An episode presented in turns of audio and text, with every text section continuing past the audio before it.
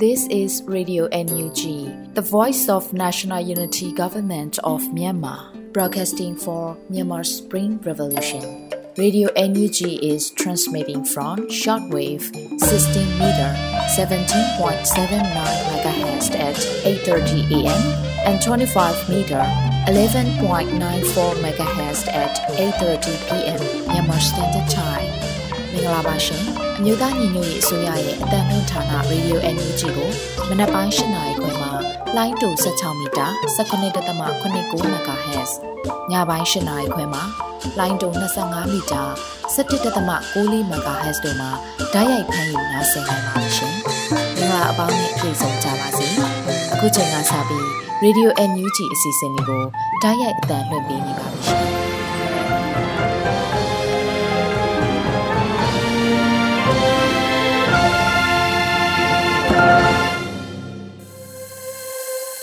မင်္ဂလာညချမ်းပါခင်ဗျာရေဒီယို UNG သောတာရှင်များနဲ့တကွတော်လံပြည်သူပြည်သားအပေါင်းဘေးပြာဝေးကွာလို့ကြမ်းမာကြပါစေကြောင်းရေဒီယို UNG ကဆုတောင်းမေတ္တာပို့တာပါတယ်သောတာရှင်များခင်ဗျာဒီကနေ့ဇန်နဝါရီလ9ရက်နေ့ရေဒီယို UNG ရဲ့ညပိုင်းအတန်လှည့်စီစဉ်များကိုစတင်တော့မှာဖြစ်ပါတယ်ဦးဆုံးအနေနဲ့ပြည်တွင်းသတင်းများကိုရန်နိုင်ကဖတ်ကြားထားတာကိုနားဆင်ရပါတော့မယ်ခင်ဗျာ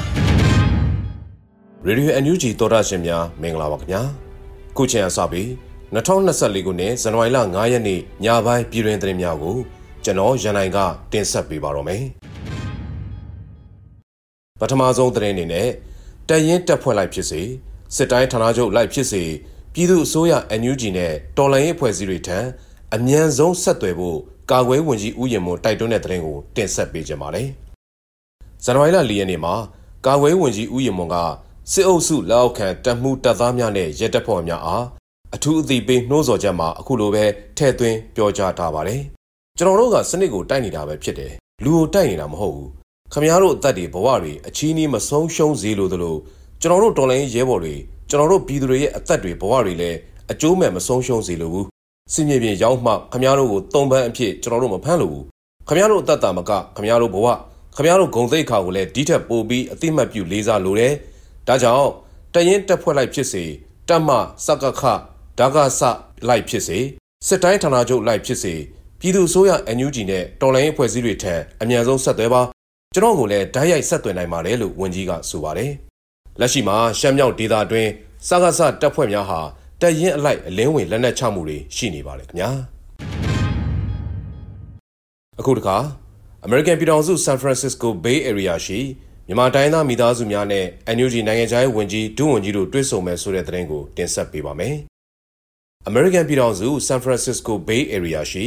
မြန်မာတိုင်းသားမိသားစုများနဲ့ NUG နိုင်ငံခြားရေးဝန်ကြီးဒုဝန်ကြီးတို့တွေ့ဆုံမယ်လို့သိရပါတယ်။အခမ်းအနားကိုဇန်နဝါရီလ22ရက်မှာကျင်းပမှာဖြစ်ပြီး NUG နိုင်ငံခြားရေးဝန်ကြီးဒေါ်စင်မအောင်ဒုဝန်ကြီးဦးမိုးစောဦးတို့တက်ရောက်မှာဖြစ်ပါတယ်။ San Francisco Bay Area ကမိတ်ဆွေများကိုခင်မင်စွာဖိတ်ကြားပါတယ်။ပွဲကျင်းပမယ့်နေရာမှာမနက်ပိုင်းကလေးကရမုံဝင်ဈေးရောင်းပွဲလည်းရှိမှာမို့လို့ နှစ်ပွဲစလုံးကိုလာရောက်အားပေးကြဖို့ဖိတ်ခေါ်ပါရစေလို့အခမ်းအနားနဲ့ပတ်သက်လို့ကိုထိန်လင်းကဆိုထားပါတယ်။အဆိုပါတွေ့ဆုံမှုဟာဒုတိယကြိမ်ဖြစ်ပြီးတော့2022ခုနှစ်ကလည်းပထမဦးဆုံးအကြိမ်တွေ့ဆုံခဲ့ပါသေးတယ်ခင်ဗျာ။အခုဆက်လက်ပြီး2024ခုနှစ်ဟာအောင်ပွဲခံနှစ်ဖြစ်ရမယ်လို့ပြည်တော်စုဝန်ကြီးဒေါက်တာဇော်ဝေဆိုပြောကြားတဲ့သတင်းကိုတင်ဆက်ပေးပါမယ်။ဇန်နဝါရီလအတွင်းတော်လိုင်းနဲ့ပတ်သက်ပြီးပြည်တော်စုဝန်ကြီးဒေါက်တာဇော်ဝေဆိုကအခုလိုဆိုလိုက်ပါတယ်။ 2024ခုနှစ်ဟာအောင်ပွဲခံနှစ်ဖြစ်ရမယ်။ကိုစွမ်းရှိသမျှညံစွမ်းရှိသမျှအစွမ်းကိုစူးစမ်းမယ်။အဆုံးစွန်သောပေးဆက်ခြင်းနဲ့အဆုံးသက်တိုက်ပွဲဝင်မယ်လို့ဝန်ကြီးကဆိုပါတယ်။2021ခုနှစ်စက်တင်ဘာလ9ရက်နေ့မှာပြည်သူ့ခုခံတွန်းလှန်စစ်များစတင်ဖို့အမျိုးသားညီညွတ်ရေးအစိုးရဟာကြေညာခဲ့ပါတယ်။အဲဒီနောက်2023ခုနှစ်မှာစစ်ရေးအရှိန်များမြင့်တင်ခဲ့ပြီး2024ခုနှစ်မှာတော်လိုင်းအင်အားစုများဟာမျိုးသိန်းတိုက်ပွဲများဇက်တိုက်ဆင်နွှဲလာခဲ့တာဖြစ်ပါတယ်ခင်ဗျာ။ အခုဆက်လက်ပြီးစစ်ဖြစ်တဲ့ဒေသကပြည်သူများကိုကူညီကြဖို့ဟာစစ်နိုင်မှုအရေးလိုပဲသေရေးရှင်ရေးတမျှအရေးကြီးတယ်လို့ဒုတိယဝန်ကြီးဦးမော်ထွန်းအောင်ပြောကြားတဲ့သတင်းကိုလည်းတင်ဆက်ပေးကြပါမယ်။ဇန်နဝါရီလ9ရက်နေ့မှာဒုတိယဝန်ကြီးဦးမော်ထွန်းအောင်က၎င်းရဲ့ဆိုရှယ်မီဒီယာကတဆင့်အခုလိုပဲဆိုထားပါတယ်။စိုးအောက်ဖြစ်တာပြောစရာကောင်းတယ်ဆိုပေမဲ့ကိုနေတဲ့နေရာမှာဖြစ်စေခြင်းသလားဆိုရင်လူကြီးမိဘမကြမ်းမာတဲ့အိမ်သားကလေးတွေရှိမယ်။စူဆောင်းထားတာတွေမရှိဘူးဆိုရင်တော့ နှစ်ခါပြန်စဉ်းစားကြမိမှာအမှန်ပဲဒါကြောင့်လက်ရှိစစ်ဖြစ်နေတဲ့ဒေသခံပြည်သူတွေလူမျိုးဘာသာမျိုးတတ်နိုင်တဲ့လောက်အစွမ်းကိုကူညီကြဖို့ဆိုတာ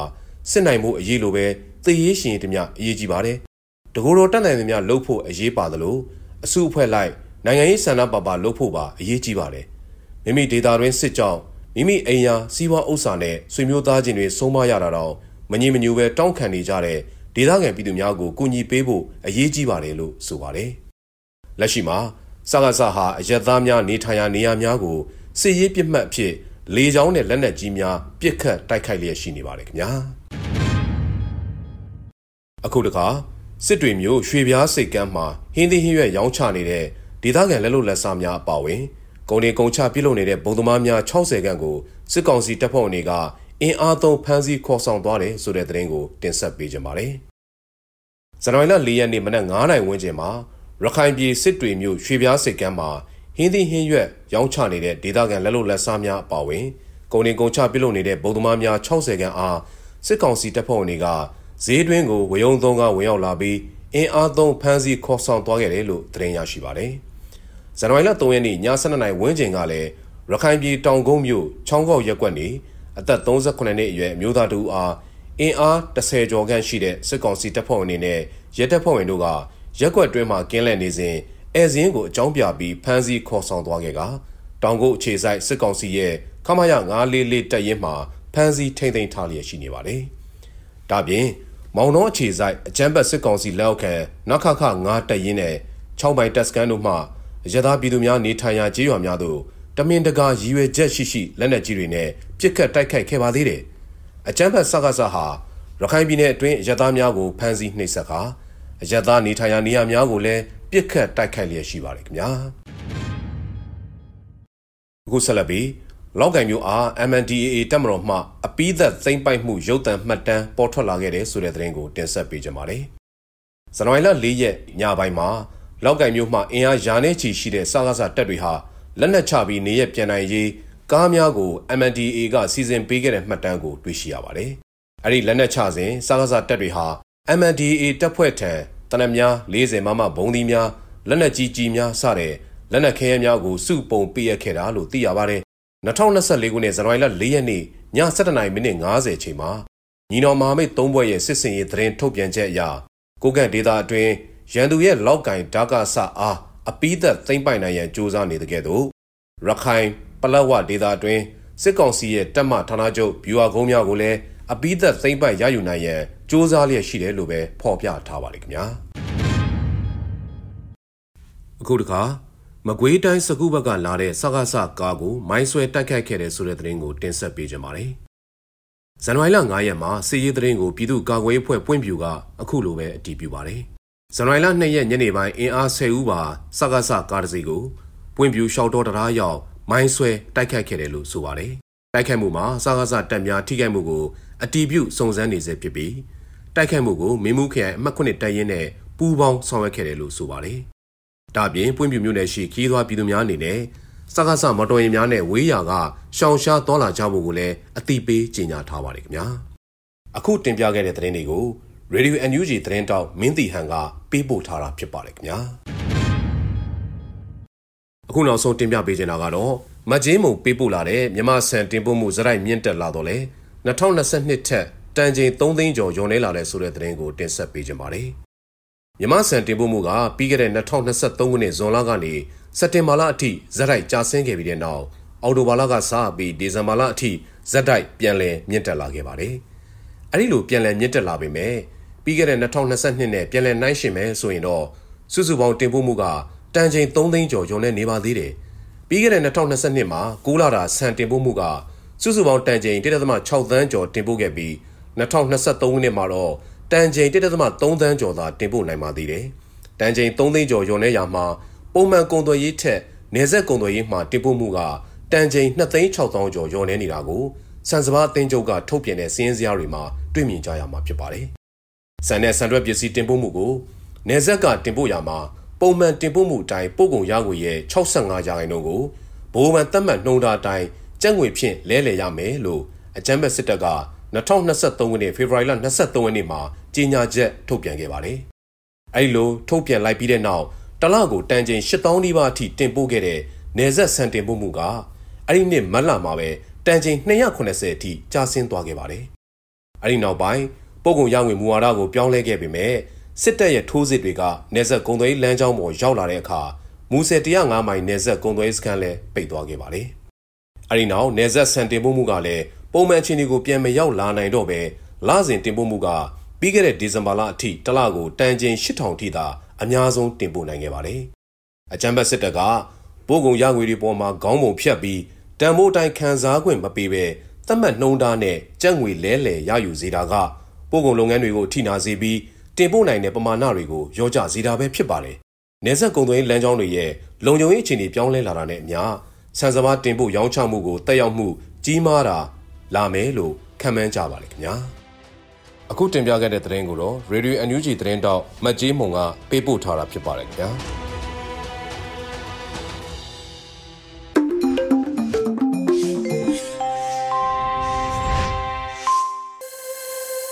ပြည်တွင်းသတင်းများကိုရန်နိုင်ကဖတ်ကြားတင်ပြခဲ့တာဖြစ်ပါတယ်။အခုတခါလှည့်ကြလာတဲ့တော်လိုင်းရေးကြပြအစီအစဉ်မှာနေသွင်းနှန်းရေးသားပြီးຫນွေဦးမိုးခန်းစားရွတ်ဖတ်ထားတဲ့ အိတ်ဖန်ဆောင်တရားဆိုတဲ့တော်လိုင်းရေးကြပြကိုနားဆင်ရပါတော့မယ်ခင်ဗျာ။အိတ်ဖန်ဆောင်တရားလွတ်လပ်ရေးနေ့မှာပစိုးချုံထဲကလက်သီးတွေမင်းတို့ဆောင်ပိုးတွေကိုနေထုတ်လှမ်းဖို့ပါငါအတွက်ပထမဆုံးအလုပ်ကအန်ကတ်တစ်ခုဝယ်ဖို့ပါစာမလာတည်မကြငါရဲဘော်တယောက်ရောက်လာပုံချစ်သူတွေရဲ့အမိနာမတွေ လျှို့ဝှက်စကားတွေအစအိမ်ထဲမျိုးချတယ်လို့ငါစင်ကလို့မျိုးချဖြစ်ခဲ့တယ်မင်းမစိုးရင်ဖို့ပါဇလိတ်တလေးရဖို့ဖင်ခံတဲ့ကောင်တွေလို့ငါမပြော့ညံ့အကြောက်တရားမဟောတော်တွင်လိမ့်စာပေးစမ်းကွာကဘာကြီးဘာတွေဖြစ်နေလဲမပြောနဲ့ငါတို့တွေဘာတွေဖြစ်နေပြီလဲပြောမင်းတို့မြို့ကြီးကစွတ်ပြုတ်အိုးတွေကဖားတွေတန်ငွေ့ငွေ့မီးမှာ လွတ်လာတဲ့နှုတ်ကြီးတွေထက်မလွတ်သေးတဲ့အစာအိမ်တွေကပိုအရေးကြီးတယ်ကွာတဟာဟာရှင်မောလိုက်တဲ့အတန်တရားပရပွားအယိုးပေါ်အရေးတင်လက်ဖြန့်စီကပဲ့ထွက်ငါအသားရည်ကအလင်းညံ့နေတဲ့တေးရွယ်ငါခေါင်းထဲကတန်းတွေဟာငါတစ္ဆာတရားဦးဆွေစံမြေလမ်းမှာဒီຫນွေကိုငါထမ်းခဲ့ပါတယ်ငါခြေတော့ကတရွတ်ဆွဲနေတာအသာထားငါတို့တိုင်းပြည်ကြီး တရွတ်ဆွဲနေတုံးလားအစာတွတ်ထားတဲ့ဇန်နဝါရီမျက်နှာဖုံးမှာပျော်စရာအစ်စ်မရှိဘူးတေမင်းရဲ့ကရင်ဝမှာငါနာမည်ငါရေးထွင်းလို့မျက်စိတစ်ဖက်မရှိသူကလည်းရန်သူကိုမြင်နိုင်တယ်ဖောက်ထုတ်ခံရတဲ့မျက်လုံးထဲမှာငါနိုင်ငံတော်ကြီးရဲ့သွေးမြင့်ကြောတွေပါသွားတယ်ငါကောင်တန်တရားမှာဒီခန္ဓာငါငှားမယ်ဒီဘဝဒီနိုင်ငံ ငါမငှားလို့တော့ရှင်ရဲခဲ့ပြီဖို့တည်ရဲဖို့သာရှိတော့တာပဲဟောလူလေလုံနေမပြောချင်းရဲနဲ့စစ်သားပေါင်းစားနေမပြောချင်းတနတ်လုံနေငါကိုပြောစာနာမှုအကြောင်းငါကိုပြောနိဗ္ဗာန်ရောက်ကြောင်းငါကိုဟောရဲအသားချုပ်ဤစစ်သားအသားချုပ်ဤမိစ္ဆာခွေးတွေအပေါ်တနာညာတာမှုပြစ်ထဲဖို့မတင်ကြားလိမ့်နေရဲပေါ့ ဘာဟုပလီစုံခုံ Power Ranger အနီကောင်သူက Robin Hood သူကတားစင်မြေးဆက်လူလက်တန်းစားအိမ်တန်းရအိမ်ငါသူကဂုံသေးရှိထောင်ထွက်တစ်ဖက်လက်မြို့ရဲ့အရေးတစေဟာသူပေါ်တော်ရင်လိပ်စာတစ်ခုတောင်းမသေးထမင်းမသိဟင်းတနက်စာ86နှစ်စာမလွတ်လပ်တဲ့အကြောင်းပြောလို့ထောင်ထွက်တွေအတွက်အကောင်းဆုံးလက်ဆောင်ဟာအန်ကတ်တစ်ခုပဲ ထောင်ကထွက်ပြီးညလေငါကောင်ကြီးချရာပြောက်သွားသူပိုင်တဲ့လက်သေးတွေကြစ်ကြစ်ဆုပ်အန်ကတ်ကြီးကိုကျိလို့ငါသိရင်ကြပြာရေးလို့ကောင်းတာပေါ်တဲ့လမ်းမသိလို့မဲသူလိုလာပြီးလမ်းသိတဲ့ခီးသွားတယောက်လို့ညချင်းမင်းကြီးထွက်သွားငါမှတနက်လည်းမပြည့်ရဲ့အသက်လည်းမထွက်ရဲကြပြာကိုတနက်မောင်းခလုတ်လို့ဆွဲညစ်နေမိတယ် နေတွင်နိုင်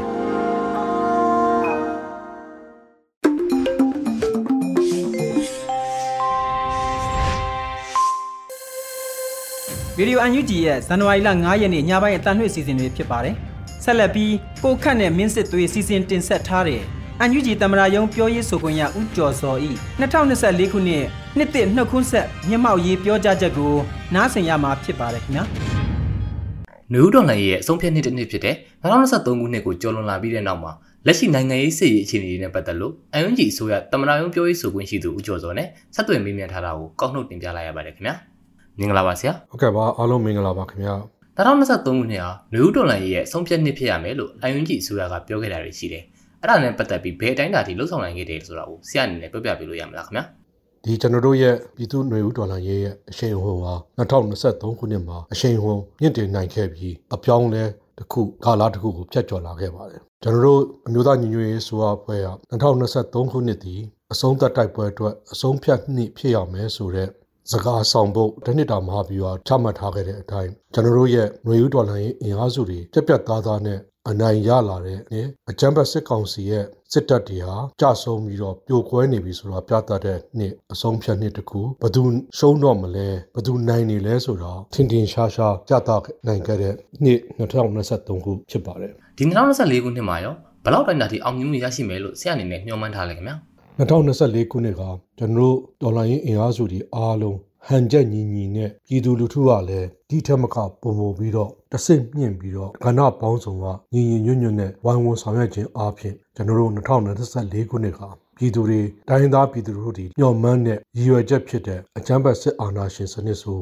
မြမမြေပေါ်ကအမြင့်ဖြုံနိုင်ဖို့အတွက်ကျွန်တော်တို့အောင်ပွဲခံနိုင်မယ်လို့ယုံကြည်ပါတယ်။အဲ့လိုအောင်ပွဲခံနိုင်ဖို့အတွက်ကျွန်တော်တို့ဒီပြည်သူပြည်သားအားလုံးတညီတညွတ်တဲ့နဲ့ဟန်ချက်ညီညီနဲ့တိုင်းသားဒေါ်လာရေးအင်အားစုတွေအားလုံးကျွန်တော်ဒေါ်လာရေးအင်အားစုတွေအားလုံးတစ်လှိုင်းပြီးတစ်လှိုင်းအရှိန်အဟုန်မြင့်စွာနဲ့တိုက်ပွဲဝင်ခြင်းအပြင်ကျွန်တော်တို့ရဲ့ရည်မှန်းချက်ပိုင်းနိုင်ကိုအမြန်ဆုံးကြောက်ရှိနိုင်မှာဖြစ်ပါတယ်လို့ယုံကြည်ပါတယ် ဒီ2024နှစ်ဆန်းတရက်နေ့မှာလဲတော်လိုင်းရင်အင်အားစုတွေကစစ်ကောင်စီရဲ့စခန်းတွေကိုတိုက်ခိုက်ပြီးစခန်းသိမ်းတိုက်ပွဲတွေကိုဖော်ဆောင်ထားနိုင်တာကိုတွေ့ရပါတယ်ဒါနဲ့ပတ်သက်ပြီးတော့ဆရာအနေနဲ့ဗမာပြောချင်ပါတယ်လေခင်ဗျာ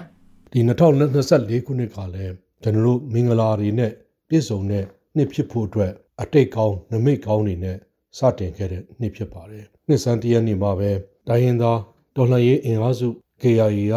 ကကချင်ပြည်နယ်မှာအကြမ်းဖက်စစ်ကောင်စီရဲ့စစ်ရဟတ်ရင်တစင်းကိုပစ်ချနိုင်ခဲ့တယ်။ နောက်တရက်ဇန်နဝါရီ2ရက်နေ့မှာ ကျွန်တော်တို့ရဲ့ပူပေါင်းတပ်ဖွဲ့ TNLA မန္တလေး PDF ပူပေါင်းတပ်ဖွဲ့တွေဟာနောင်ချုံမြို့နယ်တံပိုကျွော်မှာရှိတဲ့စစ်ကောင်စီရဲ့အခြေစိုက်စခန်းကိုသိမ်းပိုက်ရရှိခဲ့တယ်စစ်ကောင်စီရဲ့အခြေစိုက်စခန်းဆိုတာပြင်ဦးလွင်စစ်တပ်ကတူနဲ့15မိုင်ပဲဝေးပါတယ်ဒီမဟာဗျူဟာကျတဲ့စစ်အခြေစိုက်စခန်းကိုသိမ်းပိုက်ရရှိဝင်နေမှာကဒုဗိုလ်မှူးကြီးအစဉ်ရှိသူတီဦးအပါဝင်လက်နက်ခရမ်းမိကြောင့်အမြောက်များကိုကျွန်တော်တို့ဖမ်းဆီးရတယ်သိမ်းဆီးရမိခဲ့အောင်ပွဲတွေခံလာတယ်တရက်နေရစပြီးတော့ကျွန်တော်တို့မှာအတိတ်ကောင်းနေမိကောင်းတဲ့ အောင်ပွဲတွေခံတဲ့နှစ်သက်မင်္ဂလာအခါသမယကိုကျွန်တော်တို့စတင်ခဲ့ပါပြီဒီကျွန်တော်တို့ရဲ့အဆုံးသက်တိုက်ပွဲအောင်ပွဲခံနိုင်ဖို့အတွက်ကျွန်တော်တို့တွေတော်လိုင်းအင်အားစုတွေအားလုံးတိုင်းသားပြည်သူတွေအားလုံးတညီတညွတ်တဲ့ဟန်ချက်ညီညီနဲ့အရှိန်ဟုန်မြင့်မြင့်တိုက်ပွဲဝင်သွားခြင်းအပြင်ကျွန်တော်တို့ရဲ့အဆုံးသက်တိုက်ပွဲအောင်ပွဲကိုရရှိနိုင်မယ်ဖြစ်ပါတယ်ခင်ဗျတစ်ချိန်တည်းမှာလည်းကျွန်တော်တို့ဇန်နဝါရီလ၁ရက်နေ့မှာ NUCC နဲ့ NUG ပူးတွဲကြေညာချက်ထုတ်ပြန်ကြေညာတာတွေ့ရပါလိမ့်မယ်အဲ့ဒီမှာဆိုလဲ ကျွန်တော်တို့ရဲ့နိုင်ငံရေးရည်မှန်းချက်ဘုံရည်မှန်းချက်သဘောတူညီချက်အတွက်ကိုအရှိန်ဟုန်မြင့်စွာနဲ့ကျွန်တော်ဒေါ်လာရေးအင်အားစုတွေအားလုံးနိုင်ငံရေးအင်အားစုတွေကျွန်တော်တွေတညီတညွတ်တဲ့ဆွေးနွေးညှိနှိုင်းတိုင်ပင်နေကြတာအရှိန်ဟုန်မြင့်မြင့်နေပြီဆိုတာဒီပူးတွဲကြေညာချက်မှာတွေ့ရှိရပါလိမ့်မယ် ကျွန်တော်တို့ရေတော်လိုင်းအင်အားစုတွေဟာစစ်ရေးကဏ္ဍမှာအရှိန်ဟုန်မြင့်ပြီးတော့အကြမ်းဖက်စစ်ကောင်စီစစ်တပ်တွေပြိုလွဲနေအောင်ရိုက်နှက်နိုင်ပြီးအခြေစိုက်စကန်တွေစစ်အခြေစိုက်စကန်တွေ400ကျော်မြို့တွေခရိုင်အဆင့်ရှိတဲ့မြို့ပါဝင်မြို့တွေတစ်မြို့ပြီးတစ်မြို့ဇက်တိုက်သိမ်းနေကြတယ်အဲ့ဒီချိန်ထဲမှာပဲကျွန်တော်တို့ရဲ့ဂျားကာလာအုပ်ချုပ်ရေးရန်တရားကလည်းနောက်ကနေလိုက်ပြီးတော့အရသားအုပ်ချုပ်ရေးကဏ္ဍကိုကျွန်တော်တို့အကောင့်တွေပေါ်ဆောင်ရွက်နေတယ် အန်ယူဂျီအနေနဲ့ပြည်သူ့ဝန်ဆောင်မှုလုပ်ငန်းတွေလည်းလုပ်နေတယ်။တော်လိုင်းအင်အားစုတွေနဲ့လည်းညှိနှိုင်းလုပ်ဆောင်နေတာတွေကိုလည်းတွေ့ရတယ်။ဒီအခြေအနေတွေကရောဘယ်တိုင်းတာထိရောက်နေပြီလဲခင်ဗျ။ဂျာကာလာအုပ်ချုပ်ရေးစနစ်တကျနဲ့ပြည်သူတွေရဲ့လုံခြုံရေးပြည်သူတွေအတွက်ဝန်ဆောင်မှုလုပ်ငန်းတွေတရားဥပဒေစိုးမိုးရေးတရားစီရင်အစရှိတဲ့ဒီဝန်ဆောင်မှုလုပ်ငန်းတွေကိုကျွန်တော်တို့ဒီဂျာကာလာဒေသနရဘိုးကော်မတီကဥဆောင်ပြီးတော့ကျွန်တော် NUG အစိုးရအမျိုးသားညီညွတ်ရေးအစိုးရစနစ်တကျဆောင်ရွက်နေတယ်။ တစ်ချိန်တည်းမှာလည်း Federal Unit တွေတိုင်းသားပြည်နယ်တွေမှာဆိုရင်လည်းဒီဂျာကာတာဒေသနယ်အုပ်ချုပ်ရေးတွေစတင်ပြီးတော့စနစ်တကျအကောင့်တွေပေါ်ဆောင်ရွက်နေတယ်အဲ့ဒါတွေကဆိုရင် Federal Democracy စနစ်ရဲ့ bottom up ပေါ့နော်လှုပ်ဆောင်နေတာဖြစ်တယ်ဥပမာဆိုရင် KNY ပြည်နယ်မှာ KNY ဂျာကာလာအုပ်ချုပ်ရေး Interim Executive Council ဖွဲ့ပြီးတော့အုပ်ချုပ်ရေးကဏ္ဍကိုပြည်နယ်မှာဆောင်ရွက်နေတယ်ကျွန်တော်တို့ KNY ခေါင်းဆောင်တွေပြောသလိုကျွန်တော်တို့ NUG အစိုးရအနေနဲ့လည်းဒီဟာတက်နိုင်တဲ့ဖက်ကတိုင်ကိုညီဝိုင်းဝန်း ပံ့ပိုးပေးတာတွေရှိတယ်အဲ့ဒါဘာလဲဆိုတော့ကိုပြည်နယ်မှာကိုဒေသမှာနော်ကိုကြမှာကိုဖန်ကြီးနိုင်မဲ့အခွင့်အရေးတွေစတင်ရရှိလာပြီကျွန်တော် Federal Democracy Charter မှာပါတဲ့အတိုင်းဒန်းတူညီမှမှုကိုကြမှာဖန်တီးဖို့အတွက်ဒေသအုပ်ချုပ်ရေးဂျာကာလာဒေသအုပ်ချုပ်ရေးဒီသူတွေအဲ့ဒီဒေသမှာရှိတဲ့ stakeholder တွေကနေပြီးတော့ အကောင့်တွေပေါ်ဆောင်ရွက်နေတယ်ကိုကြမှာကိုဖန်တီးတဲ့အဆင့်အနာကိုကျွန်တော်တို့စတင်နေပြီကျွန်တော်တို့အမျိုးသားညီညွတ်ရေးအစိုးရဟာအဲ့ဒါအတွက်အောင်မြင်အောင်ဝန်ဆောင်မှုလုပ်ငန်းတွေပေးနိုင်အောင်ပံ့ပိုးဆောင်ရွက်နေတဲ့ resource sharing တွေလုပ်ကိုင်နေတယ်အဲ့လိုမျိုးကျွန်တော်တို့စနစ်တကျလုပ်ကိုင်နေအားလုံးသူကငြိမ်းချမ်းသာယာဝတ်ပြောပြည်တော်စုမြန်မာနိုင်ငံတော်တည်ကြည်ကိုတိဆောက်ဖို့အတွက်ဆောင်ရွက်နေကြတယ်ဆိုတာအင်ပဒမအားရဖို့ကောင်းတယ်ဟုတ်ကဲ့ပါခင်ဗျာအခုလိုပြည်သူဝန်ဆောင်မှုလုပ်ငန်းတွေလှုပ်ဆောင်နေတဲ့အခါမှာရောဆရာတို့အနေနဲ့ဘလို့အခက်အခဲတွေရှိလဲခင်ဗျာ ငင်းချမ်းတာယာဝတ်ပြောတဲ့တည်ငြိမ်တဲ့မြန်မာနိုင်ငံတော်တည်ကြည်ကိုတိစောက်ဖို့အတွက်က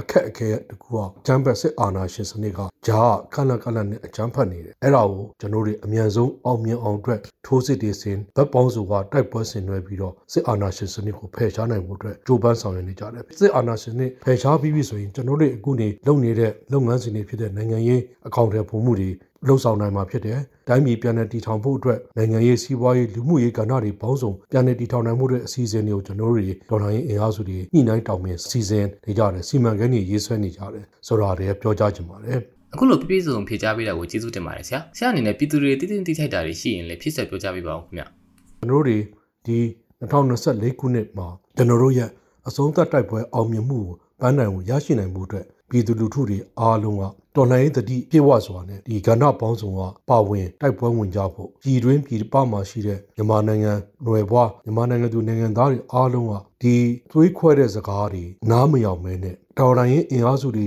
ကြားမှာတူးနဲ့တူးတစ်ဖွဲ့နဲ့တစ်ဖွဲ့ NUG နဲ့ပြည်သူတွေကြားမှာ NUG နဲ့တော်လှန်ရေးအင်အားစုကြားမှာစသဖြင့်ຫນွေဦးတော်လှန်ရေးအင်အားစုတွေကြားမှာတစ်ဖွဲ့နဲ့တစ်ဖွဲ့တူးနဲ့တူးသွေးခွဲအောင်လုပ်နေတဲ့လောက်ရက်တွေကိုတော်လှန်ရေးတတိရှိရှိနဲ့အတိရှိရှိနဲ့တတိထားပြီးတော့ ကျွန်တော်တို့အထူတကွပေါ့နော်လက်တွဲညီညီညွတ်ညွတ်နဲ့ဟန်ချက်ညီညီနဲ့တိုက်ပွဲတွေဆင်နွှဲအရှိန်ဟုန်မြင့်ပြီးဆင်နွှဲခြင်းအပြင်မြန်မာနိုင်ငံပြည်သူပြည်သားတွေလိုလားတောင်းတနေတဲ့အဆုံးသက်တိုက်ပွဲအောင်မြင်တဲ့စစ်အာဏာရှင်စနစ်ဆိုအမြင့်ဖြုတ်နိုင်မဲ့နှစ်သက်မင်္ဂလာဖြစ်ရပါမယ်လို့ကျွန်တော်ပြောကြားခြင်းပါတယ်အားလုံးဒီနှစ်သက်မင်္ဂလာဖြစ်ဖို့အတွက်ကျွန်တော်စုမုံကောင်းတောင်းပြီးတော့အထူတကွလက်တွဲလှုပ်ဆောင်ကြပါစို့လို့ဆန္ဒပြုလိုက်ပါတယ်ကျေးဇူးအများကြီးတင်ပါတယ်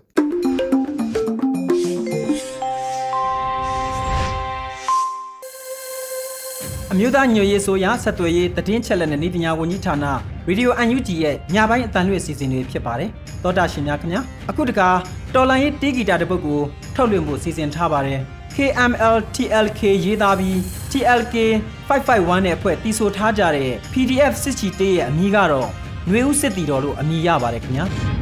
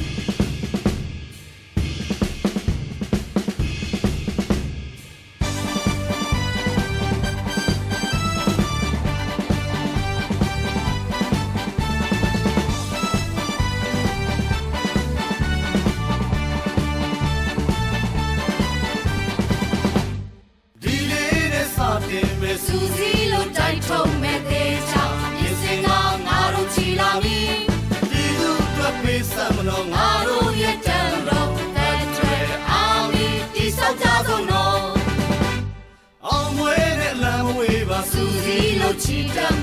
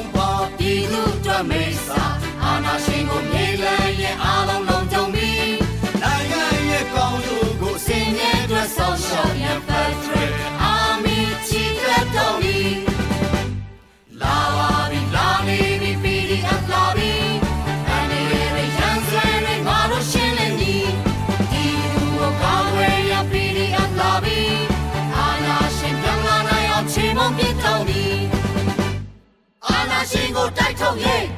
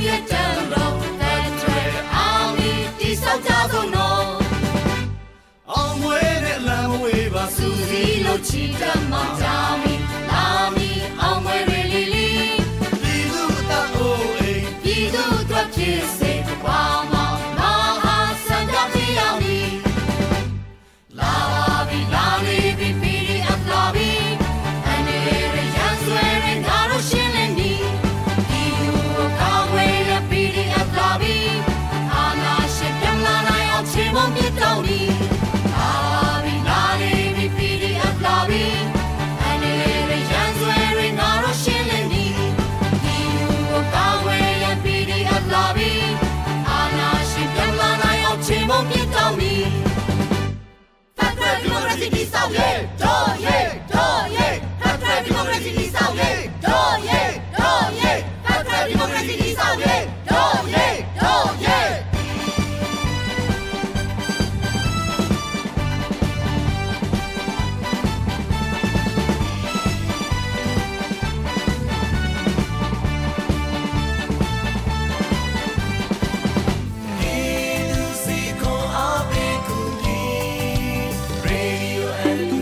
ကနေ့ကတော့ဒီညနဲ့ပဲ Radio NUG ရဲ့အစီအစဉ်လေးကိုခਿੱတရနာလိုက်ပါမယ်ရှင်။မြန်မာစံတော်ချိန်မနက်၈နာရီခွဲနဲ့ည၈နာရီခွဲအချိန်တွေမှာပြန်လည်ဆုံတွေ့ကြပါစို့။ Radio NUG ကိုမနက်ပိုင်း၈နာရီခွဲမှာလိုင်းတူ16မီတာ19.8 MHz